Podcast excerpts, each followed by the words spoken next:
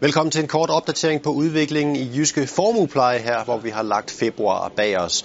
Lasse Bøndeløkke, hvis vi lige starter op i helikopteren og kigger ned på finansmarkederne i februar, hvordan øh, så det så ud? Vi startede rigtig skidt i februar. Øh, vi fik en meget dårlig start på måneden med store fald til, til blandt andet aktier. Øh, cirka midt på måneden, der vendte stemningen så lidt, øh, og vi fik faktisk et rigtig godt øh, comeback i den sidste del af måneden. Og det gør, at øh, langt de fleste aktive klasser, de ender i sådan omkring plus minus 1% øh, for, for måneden. Så hvis vi kaster et blik på, på tabellen, så kan vi se her, at ud fra de her tal, så kan det jo umiddelbart ligne en, øh, en rolig måned, men det dækker altså over nogle store udsving inden for måneden. Øh, blandt andet, jamen, så kan I se, at globale aktier ender ned med minus 1,1 procent, men i løbet af måneden var globale aktier altså ned øh, med 5-6 procent. Så øh, vi fik, et, øh, fik nogle store udsving. Hvad var det så, der drev ja, både øh, de store udsving og også det comeback, som vi så for, for aktivklasserne i slutningen af februar, Lasse?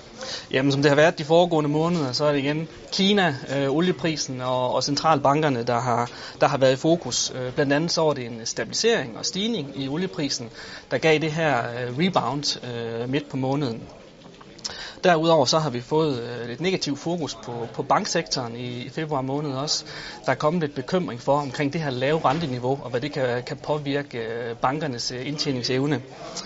Dog så må man antage, at bankerne de er noget mere robuste i dag, end de, de var for år tilbage med de krav, der er blevet stillet til dem øh, undervejs.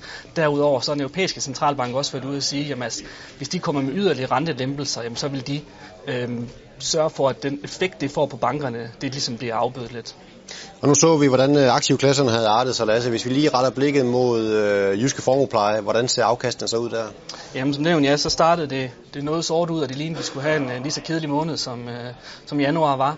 Øh, men vi fik øh, det her comeback, og det gør, at øh, næsten alle vores, øh, vores profiler, de ligger øh, tæt på nul. Øh, profilerne med, med mange aktier, de ligger marginalt i, i minus, mens øh, profiler med mange obligationer, de ligger lidt tættere på et, øh, et nulafkast. Den her uro, den gør, at der er lidt efterspørgsel efter traditionelle obligationer, men ikke helt nok til at kunne trække de obligationstunge profiler i, i, i plus. Og nu har vi så lagt ja, både februar og januar bag os, lad os et par turbulente måneder. Jeres syn på markedet, sådan, øh, når I kigger fremad, hvordan lyder det? Jamen det har i sandhed været en, øh, en turbulent start. Vi tror fortsat på, at vi går en positiv tid i møde, når vi kigger de her seks måneder frem. Vi tror på, at uroen den skal, den skal aftage, og vi tror på, at, at de fundamentale forhold de kommer i fokus med en vækst, som er understøttet øh, af de her positive effekter, som en lav rente og en lav oliepris øh, de har. Kigger vi på vores modeller, de signaler, vi får fra markedet, så er de lidt mere negative.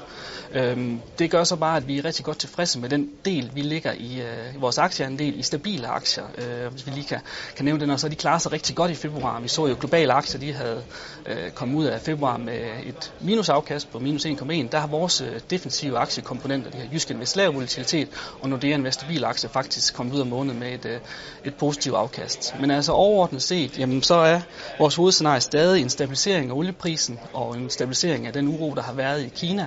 Vi tror stadigvæk, at centralbankerne de skal være, være understøttende, og vi forventer ikke recessioner i de, de store økonomier. Så vi tror altså på en, en positiv øh, udvikling øh, fremrettet, men med udsving.